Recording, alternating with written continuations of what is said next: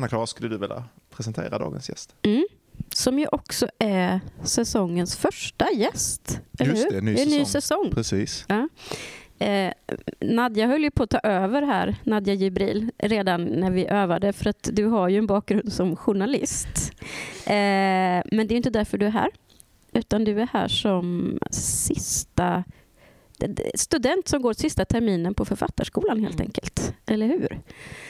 Varmt välkommen. Tack så mycket. Vill du liksom, jag tänker det finns ju eh, alla möjliga aspekter att eh, ta in om man vill presentera dig. Men man kan också bara presentera dig som jag gjorde nu. Ja. Eller vill du, liksom, vill du ha ett CV? Nej, jag tycker det känns jättebra Ja. att få sitta här och vara student Ja. och inte behöva ställa frågorna. För det är ju Nej. det som blir skillnaden om man är bjuden som gäst som journalist och eh, som eh, gäst som gäst. Eller hur? Alltså, Ja. Så skönt att bara få, sitta på andra sidan ett Ja. tag. Jag vet ju att det är många journalister som har ångest för det. Ah. Så här, man är så van vid att hålla i liksom, samtalet med att ställa frågor och så. Eh, men jag kan tycka att det är lite skönt att få... Mm. Ja. Det är som att Alltså, lärare vet- och få vara elev Ja. ibland. Det tycker jag är underbart faktiskt. Ja. tycker det är skönt att släpp, Jag släppa. tycker det är skönt att få lov att vara lärare ibland. Ja, Mm. När man går in i den positionen när man är van, när man har suttit massa år och bara lyssnat på folk. Liksom. mm. Och bara känt sig som så här, bara, Åh, här tar jag in och här tar jag in. Och så plötsligt säger man någonting och så visar man, fan jag kan någonting. Ja. Det tycker jag är... ja men är du har det i dig Ja. Men Johan. du har det verkligen i dig. Alltså, Ja. jag, nu har jag ju missat dina workshops som har Mm. varit här. Eh, av olika anledningar faktiskt. Inte, aldrig för att jag inte ville, utan det var typ så, vabba eller alltså, sådana grejer. Jag har ju gjort det ganska Du har mycket. gjort det mycket. Ja, det har varit Ja. väldigt mycket vabberier här. Mm. Alltså. Eh, men eh, men eh, jag, var med, jag tror ändå jag var med på någon du kom och presenterade. Då kände jag så här, men här, han känns inte som eh, någon som precis har gått ut författarskolan. Här har vi en riktig eh, lärare. Men Eller så är det, är det, är det brillorna och liksom röstläget. Ja. Det är någonting. Detta syns ju inte då eh, i, i eh, talad form. Men Johan har ju nya, mycket stiliga glasögon. Ja. Ja, Och det är det som är dagens poddämne. absolut. Nej, men jag tänkte faktiskt, eh, du har ju inte bara vabbat eh, utan du jobbar ju också vid Ja. sidan av som journalist. Ja. Och då tänkte jag att den första ingången skulle kunna vara, vad är liksom, för det är ju också en skrivande verksamhet.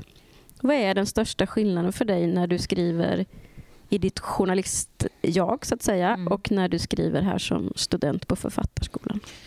Ehm, man kan ju vara journalist på många olika sätt. Eh, Jag har jobbat mest inom etermedia faktiskt. Jag jobbade som journalist på TV, blev också programledare för reseprogram och liksom gjorde massor av olika saker. Så har, inte, har egentligen inte jobbat renodlat som skrivande journalist förrän jag började på Dagens Nyheter. Och det var ju alltså eh, två år innan jag eh, började här. Så, jag, så nu har jag ju varit på DN egentligen fyra år och två, ett och ett halvt av dem har ju jag pluggat. Så jag, jag har faktiskt inte skriv, varit en skrivande journalist så länge. Nej. Men jag har ju under mina då, alltså det är så sjukt när man, jag känner ju inte mig så gammal men jag fyller ju 42 i oktober. Och Det betyder att jag har jobbat som journalist i ungefär 20 år. Ja. Vilket är ju alltså faktiskt rätt, det är ju knäppt alltså. Att Och tid går så fort. imponerande.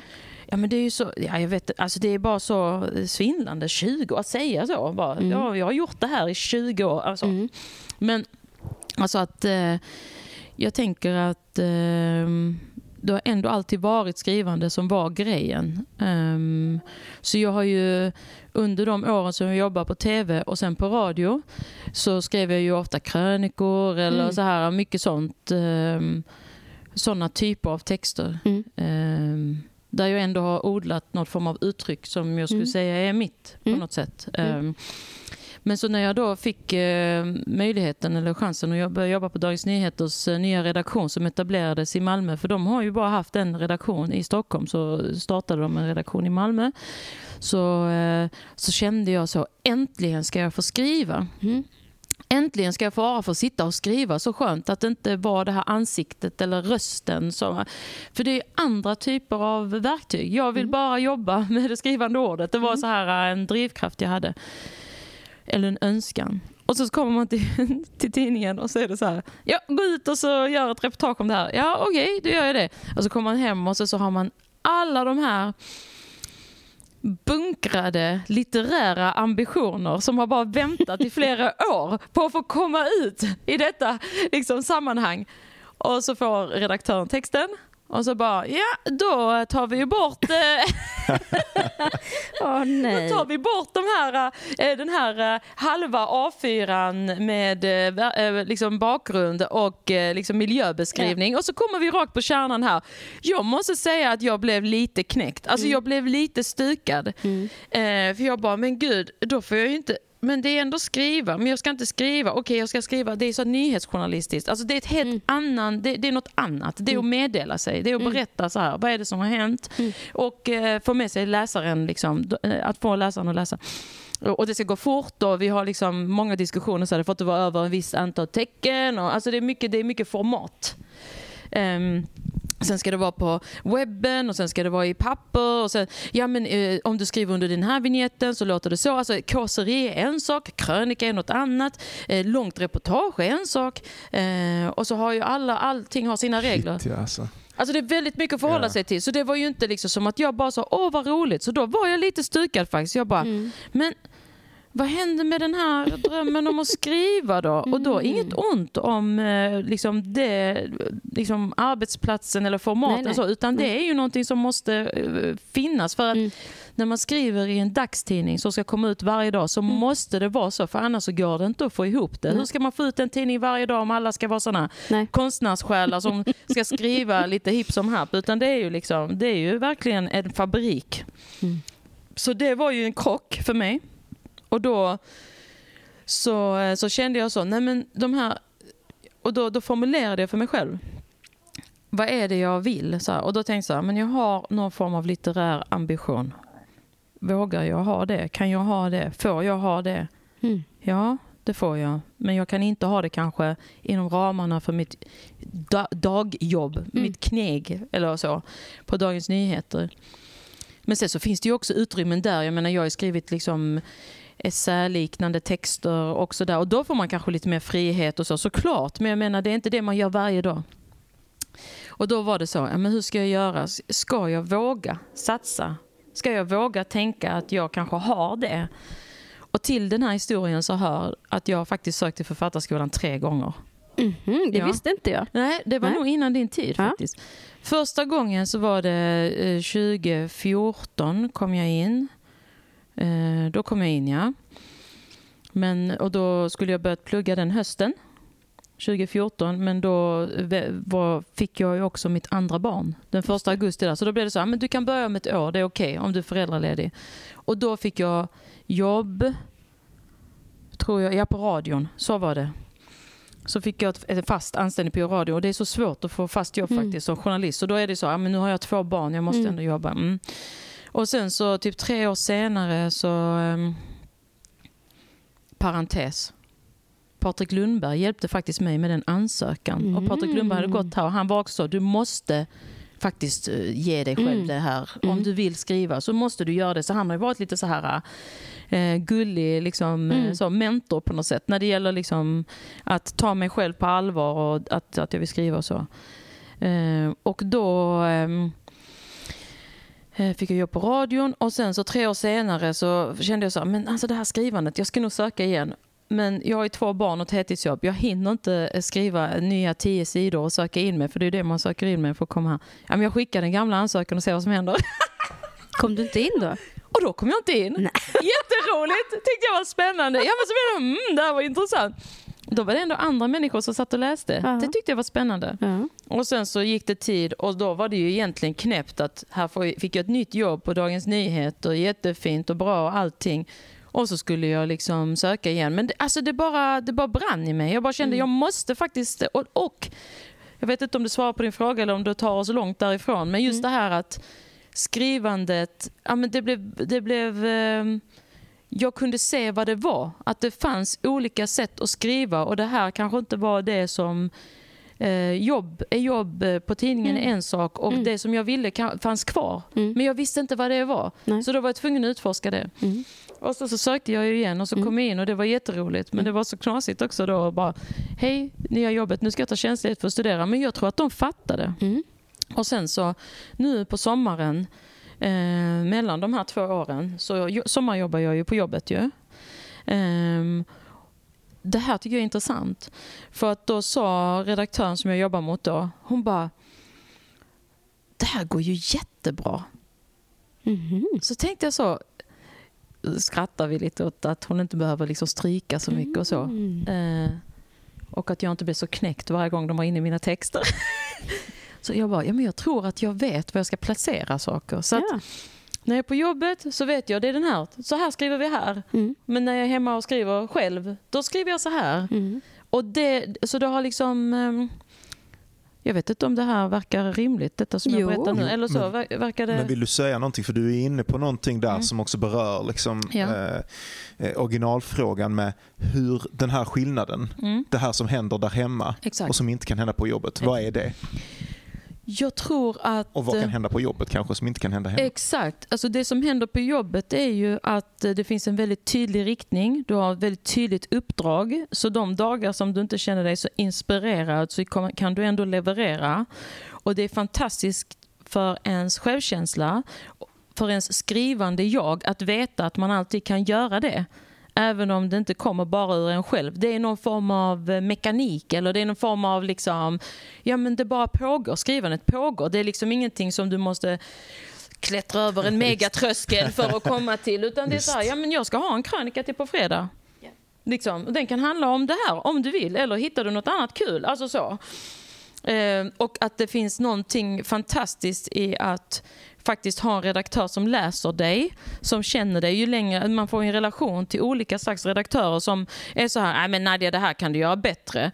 Och det är också jättebra för ens eh, skrivande jag att inte eh, vara sina texter så mycket så att om någon säger så här Eh, nej men jag har fått höra det flera gånger och jag tar det som en jättebra komplimang. Alltså du, du är bra på att ta feedback. Liksom. Det är inga konstigheter. Och Det finns en professionalism i det som jag är väldigt stolt över. Att, att Det inte handlar inte om jag, utan det handlar om texten och läsaren. Fattar de vad det är jag vill säga? Förstår de? Har den här texten blivit sitt bästa jag utifrån de här formaten? Som eh, de här förutsättningarna som vi har bestämt.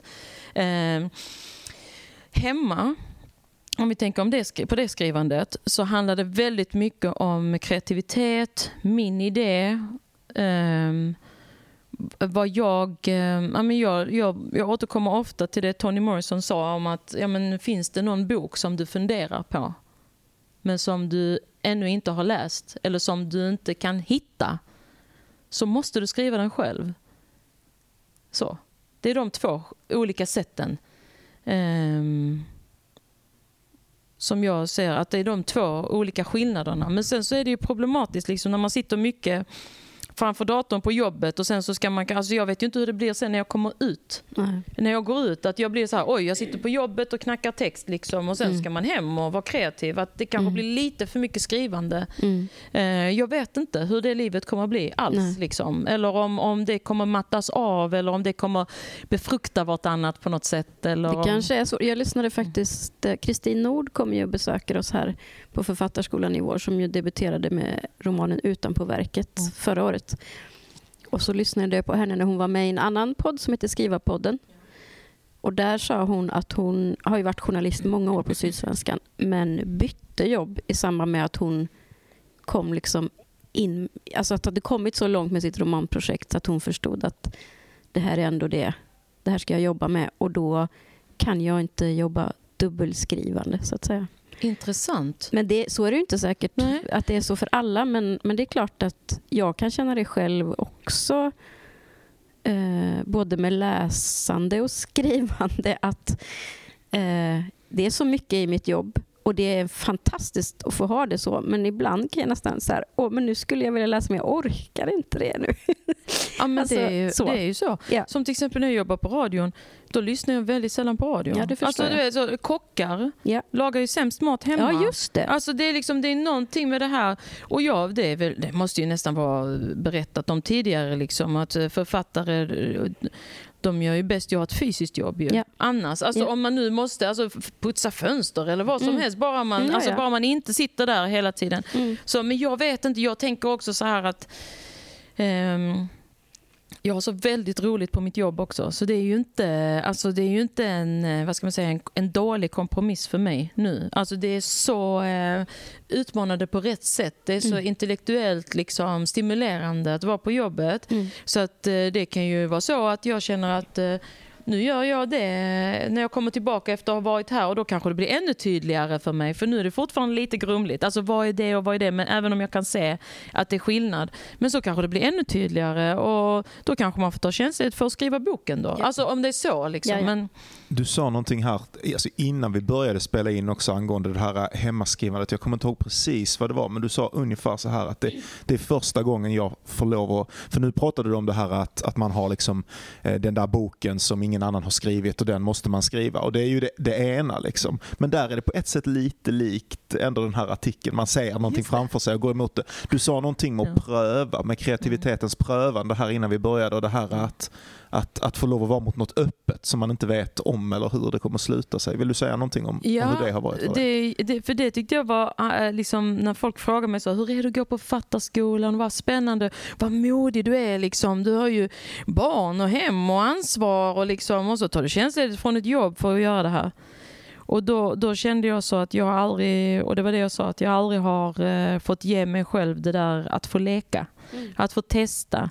Att få testa mig själv. Hur blir det när jag gör på det här sättet? Eh, Och, och det har ju varit ovärderligt för mig. Det har gett mig ett annat typ av självförtroende. Det handlar ju bara om mig personligen. Det är en slags självförverkligande eh, som jag tycker har varit helt, eh, faktiskt helt underbart att få gå här och få läsa så mycket. Jag har inte läst så mycket på flera år, alltså skönlitteratur. Bara för att förstå, okej vad är ett författarskap, alla de sakerna. Och grejen är så här att eh, det är ändå intressant att eh, Alltså vem blir beställaren? Alltså,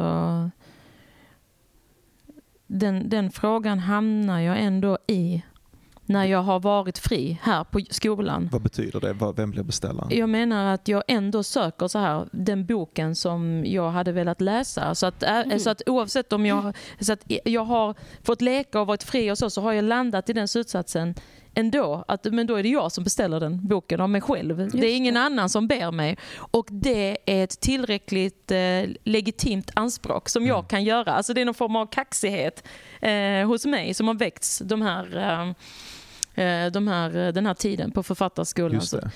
Att du blir både Alltså du är både auktoriteten som kan säga vad som är värdefullt och den som sen producerar Ja. det som auktoriteten Och kräver. det är fantastiskt. Ja. det är exakt. För att grejen är att jag, eh, jag kommer ihåg att när jag började här så var det många sådana frågor i klassrummet också. Under Mm. många diskussioner som vi hade där, också med dig Anna-Klara. Mm. Där det var så, men får man göra så här? Mm. Eh, kan jag bestämma det? Alltså det var mycket så och jag kom hem och så sa jag till min man, liksom, jag känner mig som att jag är så tio år gammal och ber om tillstånd. och, och folk tittar ju på mig för jag menar jag är inte en person som ser ut att behöva be om tillstånd. Alltså det hör man ju när jag pratar. Alltså det finns ju liksom... att, att, att det, alltså, det, självbilden och bilden som andra har mig går inte alltid ihop. Liksom. Men i det här fältet så har jag faktiskt varit väldigt osäker. Alltså, Och det har, ju också Mm. hängt, det har ju också hängt ihop med att faktiskt, och jag vet inte varför det är så, om det har med yttre attribut att göra, att man är kvinna, att man är liksom svartskalle, att man är... Alltså jag vet inte vad det hänger ihop med, men det är väldigt få människor som har sagt till mig på fullt allvar att det du vill berätta är intressant.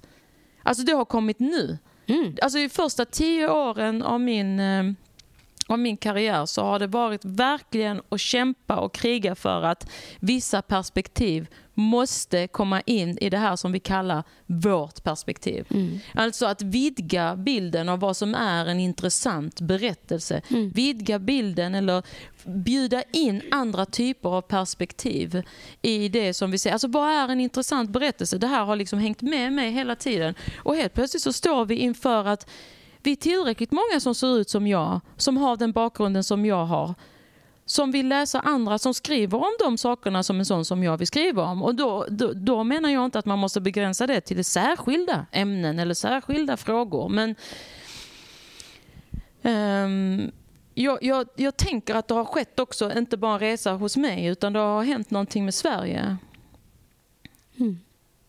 Att, att eh, det finns andra typer av, av eh, berättelser i det här landet nu?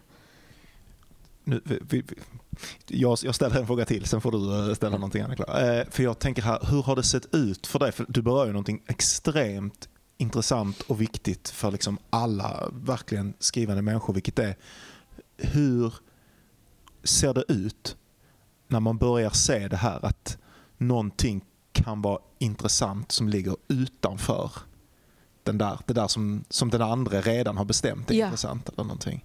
Hur, hur har det sett ut i dig? Att börja få Ehm, grepp om att men här finns saker som inte ännu är sagda. Ja, ehm, hur har det sett ut i mig? Ehm,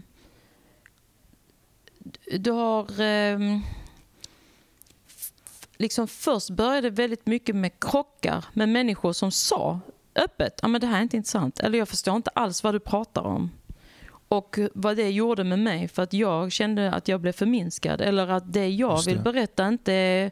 Ja, men jag har ju varit med om det här. Liksom. Jag vet ju jag vet ju vad det här betyder för mig. Alltså, jag jämförde väldigt mycket. Alltså, det är rätt intressant faktiskt. För att eh, nu har vi ju, börjar säga, liksom väldigt många eh, transsexuella människor som har börjat skriva om sina erfarenheter. Och det är så sjukt, jag känner igen mig så mycket. Fast det är två helt olika frågor. Alltså, en unik erfarenhet som inte har blivit nedskriven Mm. börjar skrivas ner och läsas av andra och så vidgas andras världar. Och jag känner liksom jag bara tänker på Saga Bäcker i vår klass. Mm. Ja, hon har väldigt bra, jättebra diskussioner om det här. Mm. Om norm. Mm. Ehm, och jag menar, det är klart att om det bara finns en person som pratar om någonting bland andra som inte kan relatera till det så blir man ju också väldigt ensam. Så jag har ju känt mig väldigt ensam. Eh, och vilket har gjort att jag har alltid dragits i sammanhang där det skrivna ordet har varit i fokus men inte i typisk vita eller medelklassrum kanske alltid. Jag, jag tycker sådana här etiketteringar är ganska svåra. Men ni förstår vad jag menar när jag Mm. pratar så här kanske. För jag tycker liksom alla är bara folk ju egentligen. Men, men om vi nu ska prata liksom om olika världar och så. Och det finns ett, åtminstone så är de här sakerna reali- realiteter i förhållande till vissa diskurser. Ja. Du pratar ju om att vara utanför en viss Exakt, diskurs. exakt. Ja. Tack. Men jag tänkte så Poetry Slam blev skitviktigt för mig. Mm. Innan Poetry Slam, hiphop. Mm. Jag har alltid haft med mig hiphop genom min storebror. Alltså vi har alltid diskuterat text. Så att jag har ju alltid varit inne i så afroamerikan... Alltså min första stora läsupplevelse var Roots, Rötter Mm. av Alex Haley. Alltså det var liksom det absolut största. För jag kände, och det handlar ju liksom om slavhandel. Och jag gick på mellanstadiet. Alltså förstår ni? Alltså ingen relation överhuvudtaget på det sättet. Nej. Men det finns någonting i ojämlikheten, Ja. i att bli sedd som mindre värd. Och jag säger inte att jag har haft en hård uppväxt. Alltså jag har haft det jättebra här i Sverige. Det, är- jag har inte mött särskilt mycket öppen rasism eller så. Men det fanns någonting i det här. Du vet, alltså jag kommer ihåg jag grät. Jag, har- jag har jättemycket relation till den boken. Och sen nu Toni Morrison, alltså alla de här som jag läser fortfarande och älskar. För att det är någonting annat än det som har varit norm här. Till exempel så står jag inte ut med så här medelklass diskbänksrealism. Alltså jag står inte... Alltså läser jag, du vet, jag öppnar böcker så här och jag, bara, jag kan inte ens läsa. Och det här låter ju helt så fördömande kanske, men jag, jag menar inte att de inte ska skrivas. Det är bara att jag förhåller mig inte till livet på det sättet. Jag tänker inte på livet att det är skitjobbigt med ett livspussel. Det är inte det som är mina issues i det här livet. Alltså det är inte det. Nej. Sen så är det ju det för man är ju barn och hämtar och lämnar, jag fattar. Men det är, inte det, som är, det är inte det som sätter igång mitt kreativa jag. Det är Nej. inte de frågorna som jag känner att jag vill läsa och skriva om och så. Det är något annat. Det handlar om att vara människa. Vem är man när man möter andra? Liksom, hur, jag tänker världar. Vilken värld är du? Liksom, aha, vilka normer gäller där? Varför blir det konstigt för mig att vara där? Varför blir det konstigt för dig att komma in i min värld? Och, och också mycket, vad är gemensamt? Jag tyckte det var helt fantastiskt att lä- läsa den här eh, Selma Lagerlöfs eh, bok ehm, Gösta Berlings saga. Gösta Berlings saga. Liksom. För jag har tänkt alltid jag måste ju läsa den för jag har läst Jerusalem, vilken jag älskar. Mm. Eh, för att jag har ju rötter där och så. Ja. Det var, var spännande för det är också igen där världarna kom ihop. Va? Ja. För hur många år sedan som helst så kom det ju massa svennar ner till, Mm. eh, liksom, till Jerusalem och skulle vara kristna där och ha sig. Liksom. Och nu är jag ju här och har Mm. rötter i Jerusalem. Alltså, du vet, det fanns ju någonting överbryggande. Men när jag läste Selma Lagerlöfs Gösta Berglings saga så hade vi diskussion i klassen då. Jag bara, men det här är ju hederskultur. Ja. Du vet, har du läst den? Ja. Ja, nej, men det här med mamman som inte accepterar att hon Mm. ville gifta sig med henne och bla bla bla. Liksom. Och jag bara kände så, jag bara va? Och, och kunde se det. Och då hade vi en jättebra diskussion. Ja men det är det ju. Var det någon i klassen som såg? Alltså det här att man liksom kan hitta Mm. sätt att prata om. Nu virrade jag bort mig Johan. Märkte du det? Ja, men det, var, det gör ingenting. Det är, Men diskurser, ja. ja. Det är det vi sysslar med. Det är det jag är intresserad av. Ja. Ja. Och, eh, Och att föra in liksom någonting i en kanske en bred samhällelig diskurs som Ja. inte tidigare varit där. Som förekommer, förmodar jag, på något sätt inom liksom ett visst samtal inom, Ja. dem, inom en minoritetsställning. Liksom. Men som sen måste föras in i det här större. Och, det- hur man hittar, eller till den här grejen av att liksom, vad, vad är det att säga att ja, men fan, jag kanske är den som kan göra det. Ja, och jag, kanske, och jag får det. Alltså, och du får det, Ja, och det är, ingen som, alltså, det är ingen som har sagt att det skulle vara dåligt på något sätt och sånt. Men då har vi en annan grej i mitt fall som handlar om det, det här yttre motståndet, bara att få höra det, men det är inte intressant eller det är inte viktigt och så.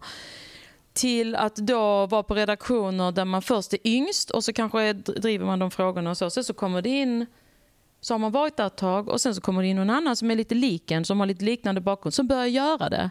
Som kanske har ett helt annat utgångspunkt. Och så blir jag lite så här, men nu gör ju han eller hon det. Och så kanske man har bidragit genom att han eller hon kan göra det för att man själv har varit där och eh, liksom eh, krattat lite och pratat och lyft diskussionen. Så, så det handlar inte bara om mig, att jag får göra det, utan man bidrar också till att andra kan berätta de historierna och göra den resan. Eh, och att bli mindre ensam. Men sen så är det ju, när det gäller mig, så jag kommer också från ett annat håll rent akademiskt. Alltså mina föräldrar, eh, de är palestinska flyktingar. De fördrevs från sin eh, by. Min mamma hade en sjuk mor. Och eh, hennes, eh, min, alltså min morfar ville ju väldigt gärna att min mamma skulle fortsätta i skolan och så. Men hon, eh, hon tyckte att nej men det vill jag inte, jag vill hjälpa till här och så. Eh, Så hon, eh, min mamma är i princip analfabet alltså. Min pappa Mm. gick i skola tills han gick i sju, sjunde klass tror jag och sen så gick han, så, så togs han in eh, i militären när han blev lite äldre och där fortsatte de att skola honom så att han kan ju läsa och skriva bra och så.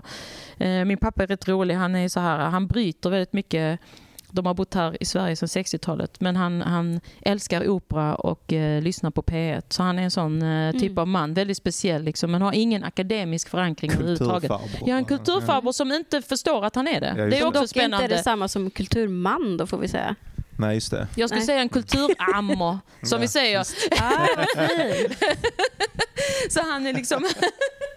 Men jag tänker, Min mamma har ju inte det alls. Så att jag menar, det, det jag ville bara säga Ja. var att jag menar, nu kan jag prata med, med min mamma och så säger hon så här. Du måste studera. Men det hörde inte jag när jag var yngre. För att hon förstod inte värdet av det kanske alltid. Det var inte att hon inte tyckte att vi skulle plugga men det var liksom inte ett mål att så här, få ett betyg eller få, alltså det fanns inte i deras... Så, så jag har liksom aldrig haft det att ja, du måste studera och så. Men nu har hon ju gjort den resan fast hon, liksom, hon har gjort världens resa. Hon bara alla måste studera, alla måste bli doktor, alla måste bli... Alltså så. Det har ju också hänt henne efter att hon har sett vad som har hänt med oss när vi har studerat. När hon har sett sina barn studera. Men jag hade inte det som en sån. Så att jag har inte känt att jag haft en självklar plats i akademin. Just det. Det var det som jag ville komma till.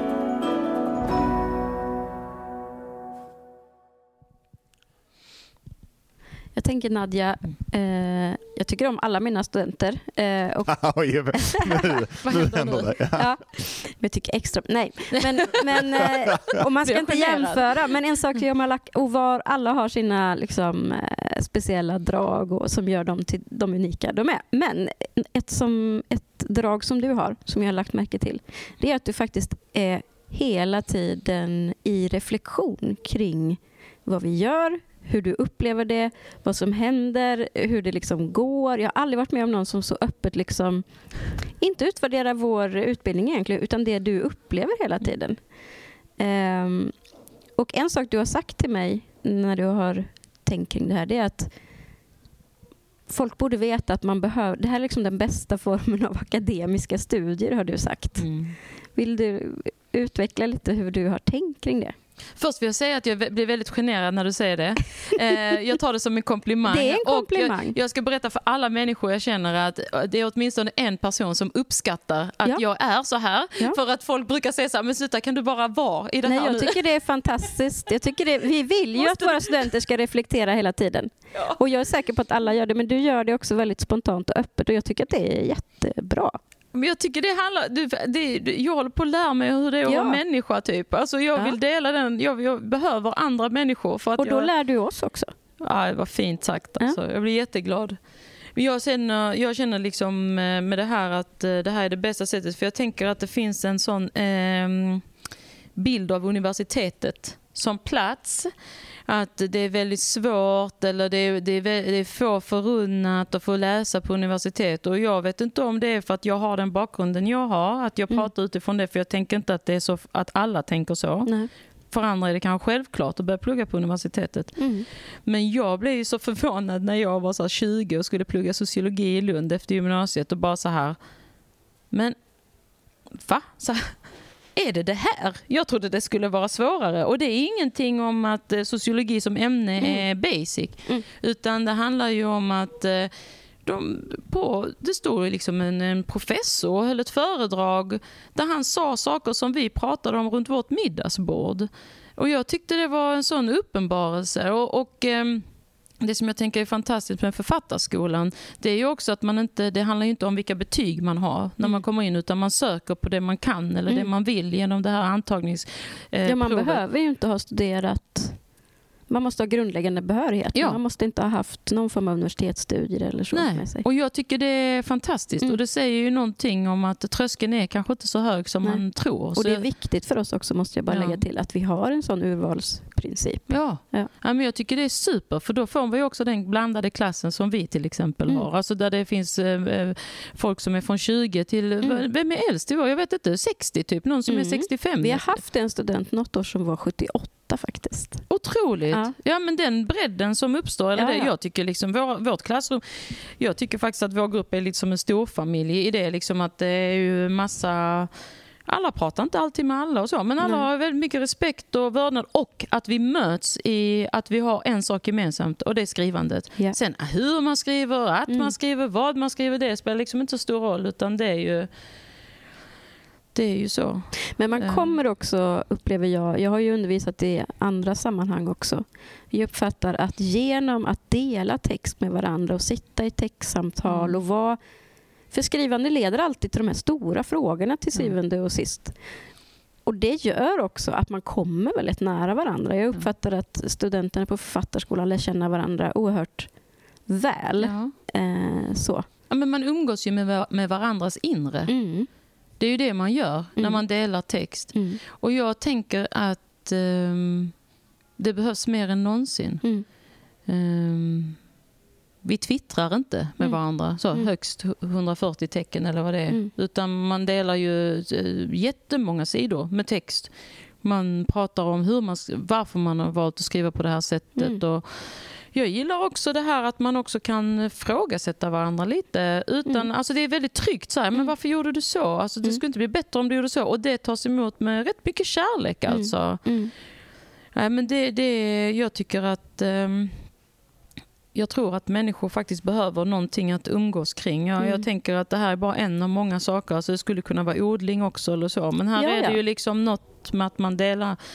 Ja, men man, vi umgås med varandras inre. Mm. Vad är den största, för nu går du ju sista Mm. terminen. Vad, är, vad tänker du är den största, det som har förändrats mest för dig sen du kom in första dagen? Jag kommer, in, jag kommer ihåg det för du sa också, kan vi inte få lite på papper? sa du. kommer du ihåg det? Om, om, om alltså att allt inte skulle vara på Canvas. Eh, All, allting skulle inte vara på en plattform. På, Precis. ja. Jag bara, det ja, har inte förändrats. Nej, det har inte Eh, förändrats. Jag har min analoga kalender Ja. och jag har min... Nej, men jag tänker att... eh, Nej, så det har inte förändrats. Jag har försökt dela ut lite mer på papper, Ja. men jag försöker också tänka på hållbarhet. Ja, jag vet. Nej, men jag fattar. Men grejen är för mig blir det inte verkligt förrän det är på ett papper ibland. Eh, Mycket har förändrats. Eh, Jag skulle säga att har, jag har fått ett lugn. Jag har ju kommit ikapp mig själv, Mm. tror jag. Jag tror det är det som har hänt. Eh, Mm. Att eh, det här, allt det här som har liksom lagrats över tid, har, dels har jag fått liksom utlopp för ehm, mycket som jag har funderat kring. Alltså testa mig fram, liksom skriva poesi, skriva, nu håller vi på att skriva en essä. Det är Mm. jättefint att få göra det ut, alltså utifrån vad man själv vill. Mm. Eh, Men jag, har också, jag känner också att jag, eh, jag står lite stadigare på marken faktiskt. Ehm, Är det något som har överraskat dig när du har provat att skriva på nya sätt? På det ehm, sättet? om, det är att, att eh, jag var nog inte medveten om hur mycket jag hade i mig faktiskt. Mm. Det har nog varit det. Jag, vi skulle ju lämna in en eh, till en sån här... Eh, bara tappade jag orden. För jag tänker så mycket. Vad Mm. var det? eh, Den här, du vet de här... eh, respons heter det. Ja. Det är ett sånt responstillfälle. Eh, Så satt jag och skrev och så tänkte jag så här, men den där, det där stycket måste jag nog göra om innan jag skickar. Och så blev det typ tio sidor. Av det stycket? Ja. Ja. Och jag bara, och jag hann inte uppfatta att det blev så många sidor. Jag Nej. bara skrev på och skrev på och skrev på. Jag säger inte att det blev bättre än om det hade Mm. varit kort. Men just det där att jag, att jag har mycket i mig och det kan man ju säga också, alltså mycket mer än vad jag Mm. tänkte faktiskt. Mm. Ehm, och att eh, jag har nog upptäckt också hur jag jobbar. Mm. Det har nog varit så här jobbar jag, så här funkar jag. Alltså att, att det har varit mycket sådana seminarier och, Mm. och eh, lektionstillfällen som har handlat om det. Vem Mm. är jag? Vem, alltså Ja. kolla på dig själv. Ja. Eh, se, och, Hur gör du det? Ja, nej, men mycket har ju handlat om att eh, förstå att jag skriver i lager. Så att jag har ju liksom... eh, Jag bara måste, får jag en idé så, så ska den bara komma ut. Så jag har ju typ så tusen anteckningar i min mobiltelefon. Alltså så här, bara stycken. Vissa fattar jag inte var de kommer ifrån ju, när man ser tillbaka på dem sen. Men eh, vissa är så här, men här har vi ju någonting. Det här är ett frö. Att kunna också särskilja på vad som är något och inte. När man har väldigt många idéer. För många idéer har jag. Jag är väldigt mycket en starter. Ifrågasätter mi- mig själv eh, och min maintainer kompetens. Att den måste jag nog öva på mer. Alltså så här att hålla i. Mm. Eh, För att eh, det som är en sån eh, grej från tidningen då, det är att det ska vara kort. Ju, så Mm. då har jag ju övat på det så mycket så nu så måste jag ju också öva på att tänka långt Mm. format. Om man ska skriva skönlitterär till exempel och så. Att, eh, och sen så att jag har upptäckt att jag gillar novellformatet jättemycket. Att det är en bra mix av de sakerna. Alltså det är många sådana små insikter som jag har gjort. Men att där med att hålla i och att jag jobbar i lager. Så att det, jag har ju den här första fasen då allting bara måste ut. Och att jag gillar eh, att tänka helhet från början. Så att så här, början, mitt och slut. Vad är grejen här? Mm. Eh, och sen så eh, kommer nästa lager som är så här, ta bort, ta in och utan att redigera Mm. riktigt. Eh, Det är inte det. Det är inte det här hårdredigera Nej. utan det är mer så ah, det behövs lite mer så här, lite ornament. Mm. Liksom. Och sist jobbar jag med detaljer. Du vet om man tänker en scen i ett vardagsrum så kanske jag inte börjar med att beskriva växterna i fönstret och eh, vilket ljus som faller in från vilket, liksom, Mm. eller eh, hur de ser på varandra. Utan det är kanske så här, det här händer, det är en Mm. scen liksom. Mm. Och sen så bara, okej, då sätter vi den scenen i ett sammanhang. Och, sen, Mm. och det har ju också märkts, för du har också varit min handledare, Mm. eller hur? Så, äh, du har ju sett det, liksom, Mm. att det är väldigt mycket i min text som bara är så här, det här ska hända. Ja. Har du Eh, fått det från de här, eh, det, det, journalistiska skrivandet? För det är ju nästan det är som att kärnan börjar i ett sånt journalistiskt skrivande. Här är allting utom, här är det precis Ja, det som exakt. ska vara någonting. Och sen Ja, så men- det skönlitterära är att hålla på och kräma ovanpå Ja. det sen. Typ så. Exakt så. Vi har tårtbotten här och sen så lägger man på frukt och sen så, det, ja men alltså, sen så, ja men verkligen. Ja. Men jag tänker också på, vi brukar, jag, jag brukar alltid börja med ett pass i skulpturparken utanför Skissernas. Det gjorde jag nog mer också. Och jag tycker just Skissernas museum är så fint för Mm. just att det är skisser till färdiga konstverk.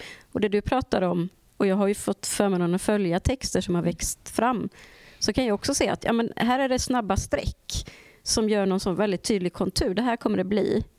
Och sen liksom fyller du i det på något sätt. Och, Sådär. Ja. Eh, Så det är ett sätt att skissa, tänker jag. Jag, jag tänker också så, Ja. att jag måste, för att jag tänker att när man startar i detaljerna, jag vet att det finns vissa författare som eh, sätter sig ner och så skriver de från början till slut. Alltså, ja, men typ så, Jan Guillou Ja, på men sin... de är inte eh, många, får vi säga. Nej, men, och jag menar inte att det är ett ideal, utan jag Nej, bara nej. tänker att det, det, liksom, det verkar vara Ja. så att vissa jobbar så. Han går säkert tillbaka och lägger till och grejer, jag, vad vet jag om det. Men just det här liksom att man eh, börjar, men helhet i bemärkelsen liksom så här eh, att jag eh, behöver bara, det, det handlar inte heller om att veta exakt hur det ska sluta, utan det är mer den här liksom, vad, vad är, ja men vad är konturerna? Var, var finns konturerna så? Sen så tänker jag att jag är lite överväldigad av detta som jag har tagit mig an nu. Mm. För det är ju också så intressant tyckte jag att jag började med en helt annan text. Mm. Jag började med att tänka att jag, min, min, den boken som jag ska skriva här, alltså det här um, eh, som vi ska lämna in då i slutet av den här terminen, den ska handla om min familj på något sätt. Och sen så kände jag eh, att, alltså som en typ av släktkrönika, Mm. men så hade vi ju ett besök av eh, Kerstin, heter hon va? Kerstin som skrev I min faders hus. Ja. Ker- Kerstin Norberg. Just det. Mm. Och eh, det var också så otippat. Hon berättade då om den här boken som, jag, eh, som vi då skulle ha läst innan hon kom och jag tyckte den var så fin. Den handlar om en präst som, som tappar orden. Mm. Och eh, faktiskt återknyter lite till det vi pratade om innan Johan. Det här liksom att eh, jag kände direkt att jag blev kreativ av den. Mm. Men jag hade aldrig läst om en imam på det sättet så som hon beskrev Nej. en präst. Så att det var en bok som jag ville läsa. Så då tänkte jag så men vad, vad om man skulle skriva om en imam? Så här, vad är en imam? Alltså en muslimsk böneledare är det ju egentligen. För imam är ju inte motsvarighet till den Till kristna präst, prästen. Nej. Men aha, någon som en, är en sån moskénisse, liksom. någon som är i moskén och som tar hand om moskén. Så här, vem är det och vad, vad har han för story? Liksom? Och så, så blev det... Så då började jag skriva om... om jag tänkte han ska ha äktenskapsproblem. Så började det. Ja, du, du hade ju Ja. en fantastisk arbetstitel. För jag vet inte om vi ska liksom... Du kanske Nej, inte ska jag- slänga ut den, för du kanske vill ha den någon Nej, gång. jag tror vi, ska, vi väntar lite Ja. med den. Men då tänkte jag så, jag bara, ah, men okej, så här, han ska ha äktenskapsproblem. Okej, hur skulle det se ut? Och så började jag skissa på det. Och sen så bara, men var kommer den här imamen ifrån? Mm. Var, var bor han? Sen så var, hade jag i samma veva läst den stora skrivboken av Agota Kristoff. Och så bara, jag gillade att länderna inte var definierade. Alltså Mm. områdena inte, har läst den Johan? Nej men det handlar ju om andra världskriget Mm. ju. Men, eh, men hon säger inte riktigt var de är. Det handlar om två bröder som... Eh, eh, ja. Eh, och då bara, ah, men shit, vad händer då? Men okej, vem är hans mamma och pappa? Och var kommer han ifrån? Var hamnar han? Vilka omständigheter? Liksom. Så nu har det blivit ett jätteprojekt av det där. Eh, och eh, då blir jag också inspirerad av eh, eh, fantastik... Eh, föredraget. Mm. Också så här, jag har aldrig varit fascinerad av det. Liksom. Men hon pratade väldigt mycket om eh, worldbuilding. Mm. Och då kände jag så, ah, okej, så... Och det kunde jag relatera till jättemycket. För om vi då pratar om diskurser. Det är ju en world, det är en worldbuilding på ett Ja, sätt. Ja, och då tänker jag så här, vilken värld kommer imamen från? Okej, det är den här liksom sfären, den muslimska sfären.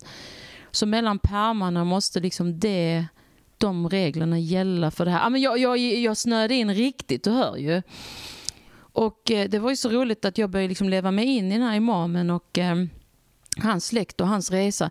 Så det kunde ju vara så här, ja men han ska ju gifta sig med henne och hennes bror ska ju vara riktigt dryg alltså. Men är han egentligen, är brorsan, varför är han dryg? Han gifter sig och han är otrevlig, han slår sin fru den här brorsan. Och imamen gillar inte sin, sin systers mans, sin, sin frus bror. Alltså så här, så här står jag i duschen och funderar så bara, ska han vara gay? Ska han liksom vara gay den här? Är det därför han är liksom så undertryckt liksom någonting? Nej, han är spelmissbrukare. Det är det som är problemet. Du vet, så här. Och så, Jaha, ja, men, han är väl gay nu? Nej, han är inte gay längre. Och, och då så bara, det är inte det, utan det måste vara något ännu, det måste vara något Ah. ännu värre. För gay det är ändå inte ett problem för alla muslimer Men alltid. Det är inte det största. Ja, Då försvinner hon den lesbiska coola. ja, den lesbiska coola försvinner men hon Ja. kanske kan komma tillbaka på något annat sätt. Alltså, du vet, och då bara, ja, så, så börjar jag bygga så här och så, men, hur, vad ska de säga? Och då började, då började det dyka upp så här meningar när jag står och diskar, ute och promenerar så bara så här, det här pratar vi inte med någon om. Snälla säg att vi inte bara, vem sa det? Mm. Vem pratar inte? Du vet. Och sen så bara, nej men du vet. Det var, ja, och så, stod, så, gick jag, och så gick jag ut och så var jag med barnen och så var det någon som helt plötsligt sa så.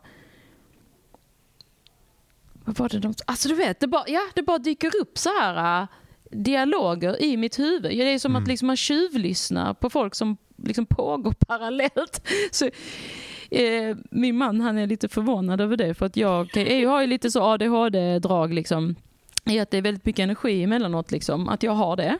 Men så sitter man framför datorn och är så insjunken, jag gör det. Och då kan det vara fullständigt kaos runt omkring och han bara, jag får inte kontakt med dig. Jag bara, för att jag är inte här. Det har varit en jätte... Jag är någon annanstans nu.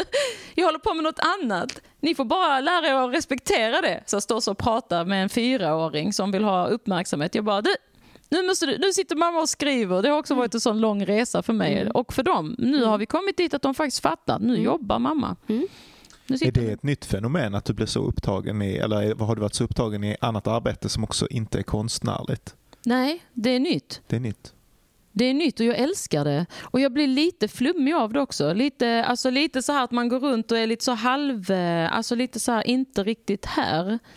eh, och jag gillar, eh, jag gillar det.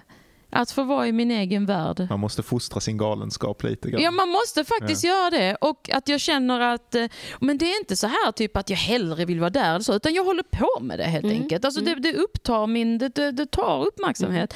Och eh, det, det är också en sån grej, får man göra så? Ja, det är väl klart man får göra det. Mm. Det är väl inget konstigt med det. Alltså det är ju bara, det är bara som att någon går till gymmet eller att någon eh, lagar mat eller jag håller på Jag med det tänker här. också att om, om vi skulle ha någon som går i etta nu, det vet jag inte, men om, man, om jag hade pratat med dig när du började, Mm. då hade du inte förstått det här själv som du säger nu.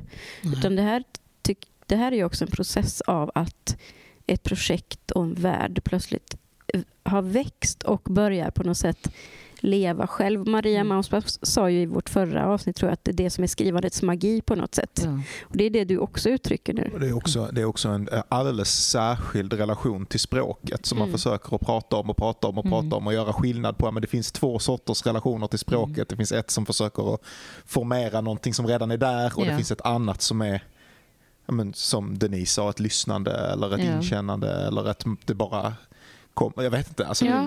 man kan inte säga någonting om det. Men om det Och skulle där ha- finns det ju ingen värdering heller. För Nej. jag tänker att det är rätt intressant för det har också hänt nu ehm, i den här processen att jag sitter inte och ti- tittar på mina meningar och så här, är det här en snygg mening? Alltså jag, jag, jag är det här, utan det är så vad händer? Så här, vad får den här texten mig att känna? Mm. Når den ut? Alltså fattar folk? Alltså det är liksom inte eh, en grej som jag håller på med nu i projektet. Då är det så här. Den här imamen har en far som, eh, som är ordspelare, alltså spelar luta. Eh, och han, han fostras in i det här. Eh, och spelar och är jätteduktig på att spela. Och då har jag ju tänkt så, men vad ska han sjunga för någonting då? För han ska också sjunga och ha en väldigt vacker röst. Och då har jag ju då börjat översätta, alltså researcha musiker, stora musiker från Mellanösterns 50, 60 och 70-tal.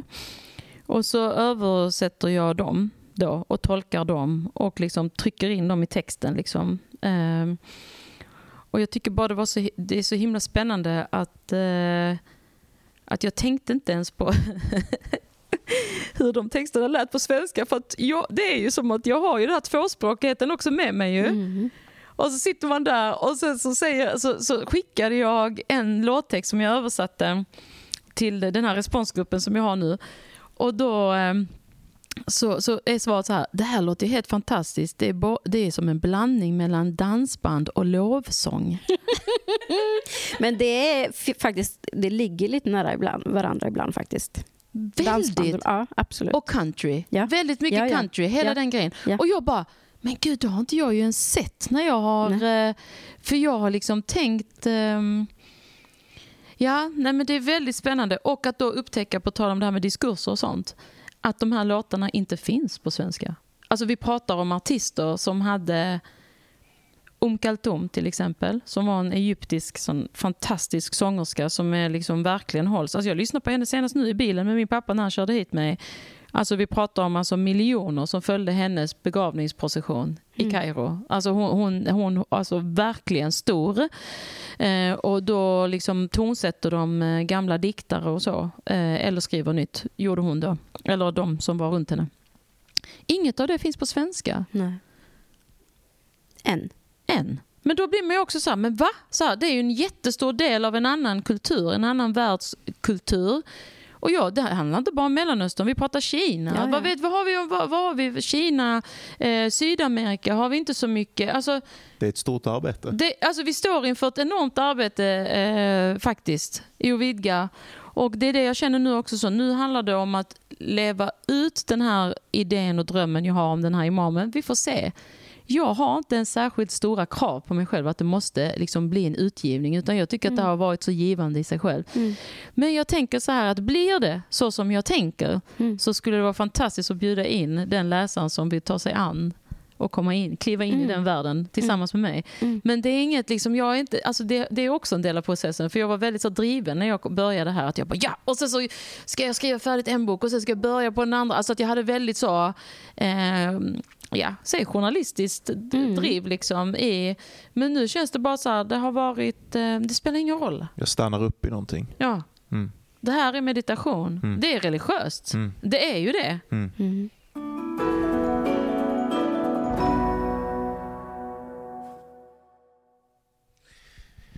Eh, Nadja, jag hörde ju dig på den här eh, podcasten Sökarna. Mm. eh, där du pratade om din relation till eh, Gud. Och eh, för mig i alla fall och för många så är det ju också liksom, alltså en del av skrivandet kan man prata om som de här knepen och grejerna och sådär. Men det finns ju också en del som på något sätt, för mig i alla fall, tangerar eh, det andliga. På vilket sätt är Gud närvarande när du skriver? Ehm, jag har så svårt att säga att det är liksom ehm, Gud faktiskt. Eller Eh, vad du vill. Ja, nej, men jag bara tänker att, att Gud skulle vara närvarande i mitt skrivande. För mig skulle det vara som att förhäva mig själv på något sätt. Eh, Okej. alltså på ett sätt liksom. Men jag skulle säga att det finns eh, en, eh, en andlighet Alltså att, och, och det är vissa som jämställer Gud med andlighet. Men för mig är det liksom... ehm, ehm, ja, jag skulle säga att det finns en rörelse. Alltså att jag blir rörd på något sätt. Och det är ju när jag känner att jag når någonting som känns äkta. Um, det är då jag blir liksom lite så här um, flummig. Som jag sa tidigare, att man kan känna sig lite så här rörd helt enkelt. Men inte rörd så, jag börjar gråta, utan berörd kanske är ett bättre ord. Då. Att man, uh, att man är så här, nu, nu, nu, nu, uh, nu känns det någonting. Liksom. Nu, är jag, nu är jag nära någon form av existentiell um, kärna, någon äkthet, någon essens ehm, som, som gör någonting med mig. Eh, jag, jag kan ju sitta i de här lite halvflummiga tillstånden när jag liksom sitter framför datorn och skriver och är helt upptagen av det jag håller på med börjar skratta. Att Man bara, inte för att det, alltså då, det ska inte tolkas som att jag skrattar åt mina egna skämt eller att jag skrattar åt att eh, det jag har skrivit är så fantastiskt utan det är så här, ja, men det känns sant. Samma sätt kan jag börja gråta. Eh, för att man känner så här, det här är så smärtsamt Mm. för den här personen. Mm. Men det är ju också för att det känns sant i mig. Personen, alltså karaktären, Mm. som jag kanske skriver utifrån just då. Och då kan det ju kännas liksom väldigt så. Och jag, jag tänker mycket på den här... eh, tiden som vi lever i. Eh, som eh, jag är också uppvuxen i på något sätt. Den här ironiska generationen. Du vet, man ska vara skeptisk, man ska vara liksom... Eh, man ska inte vara pretentiös och man ska inte vara hittan och dittan. Vi har satt upp så många regler runt oss själva så att man vet inte ens. Ehm, Det äkta har aldrig varit längre bort. nej, Sanningen som någonting annat än liksom korrelationen mellan ett fakta och en, en händelse ja. Eh, har aldrig varit längre bort. Nej, och jag känner att det är många som längtar efter det. Och då pratar jag i form av liksom, ungefär så som man kan börja, liksom att man kan bli alldeles rörd av att höra ehm, ett barns skratt, Mm. typ. Mm. På den nivån. Alltså det finns ingenting ironiskt med när ett barn skrattar på riktigt. Det finns ingenting i det som är ett anspråk som är eh, Eh, eh, till, eh, liksom, till spelat eller att... Ja, det. Ett barns skratt eller att man ser i någon som har förlorat någon kär, när, nära, liksom, som gråter på riktigt av sorg. Det är ju sant.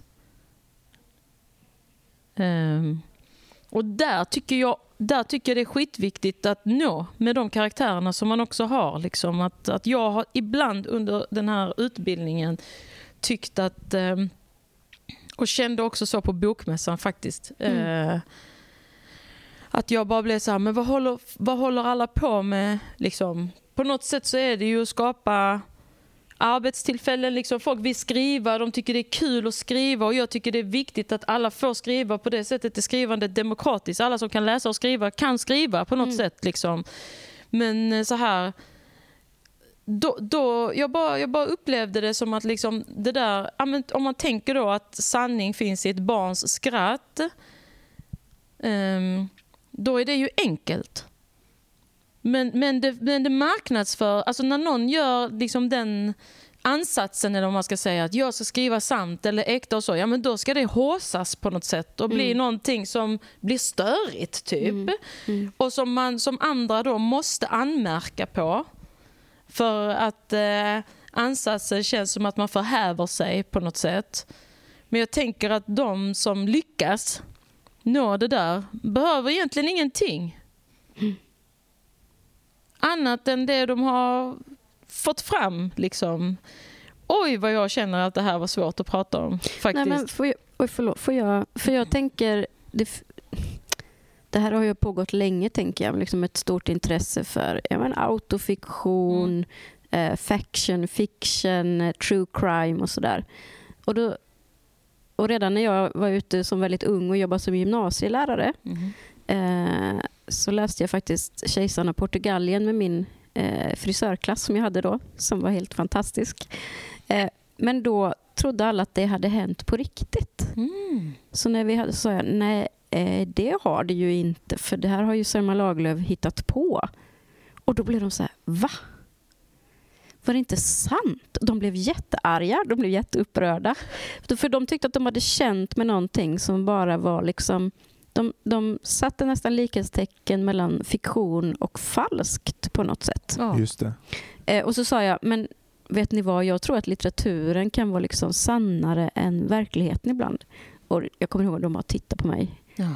Och jag kände också, jag vet inte riktigt själv vad jag säger nu, men jag tror på detta.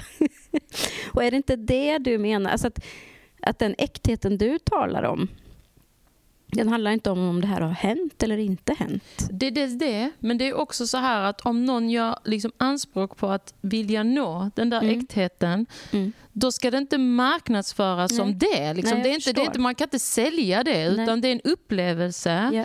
Det, är, det, är en, det, är nå- det är ett mål, Mm. det är ett, och det handlar ju utifrån den världen som man bygger. ju. Alltså, Mm. men jag menar så här, att om jag skriver om en karaktär som på riktigt sörjer, då kan jag inte gå in i det med filter. Nej.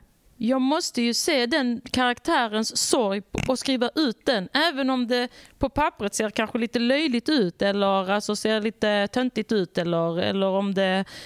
Att... att ehm, eh, Där måste, där måste vara åtminstone ett ögonblick eller ett frö eller någonting Ja. av absolut äkthet. Ja. Även om inte det bär Ja. i prosan sen när man måste jobba upp det så måste det någon gång ha varit där. För Ja, att man ska kunna konstruera någonting Ja. värt att säga ovanpå det. Liksom. ja precis. Eh, Och det är också så att det går ju inte att ironisera över eller... eh, Och Det är också det som gör skrivandet läskigt, va? för då går Mm. det inte heller att skydda sig. Nej. Eh, och eh, det är väl det som är modet, va? Att, att eh, skriva om sådana saker som eh, där man också har varit med om eh, ganska kanske konstiga eller jobbiga saker eller så. Men det som är skyddet då är ju att man du har ju ett register av alla de här grejerna i dig. Mm. Jag tror att alla människor bär på ett register av alla känslor Mm. eh, mer eller mindre utforskade. Och då är det ju någon gång så har ju de här känslorna aktiverats i olika sammanhang. Det är ju upp till dig om du plockar fram det när du, när du använder... När du, så att när jag sitter framför datorn och blir väldigt ledsen över att någon i min eh, bok kanske är med om en förlust eller Mm. blir förödmjukad eller så, så är det ju någonting som har hänt mig Mm. på ett eller annat sätt. Eller jag är villig att utforska den erfarenheten som kan ha gett upphov till att jag kände på det här sättet som den karaktären. Så att eh, det har ju varit många gånger så i... Eh, och jag menar, jag ska kunna säga det här utan att vara rädd för att verka töntig eller utan för att vara rädd för att verka liksom eh, att jag ska göra mig speciell. Och faktiskt så tror jag, alltså jag tänker mycket så här, Björn Ranelid, han är ju en sån figur i svensk, på svensk litteraturscen som jag känner för jättemycket. Mm. Jag har inte läst mycket av hans böcker, alltså jag har nog inte läst någon skulle jag säga. Men alltså, jag kan ändå förstå typ så här honom. Och jag förstår inte varför då han skulle, alltså liksom, varför skulle man göra sig rolig på hans bekostnad? Han, han försöker göra någonting utifrån det han, alltså den stora kärleken Mm. och ingen kan skriva som jag och sånt. Ja men låt honom känna så då, det är väl fantastiskt. Alltså jag är liksom, det, du vet. Mm. Just putting this out there. Mm. Nej men alltså jag menar liksom att eh, jag tror, att, jag tror att folk längtar efter det stora, efter det lilla, efter alla, alla registren och att, att få känna någonting. Liksom, när de läser någonting. Jag tänker ofta när jag läser så här i, under den här utbildningen så har jag läst allt möjligt. Men när, när saker och ting så väldigt stilistiskt, liksom, jag har full respekt för det. Det är en lingvistisk liksom, eh, övning eh, och så.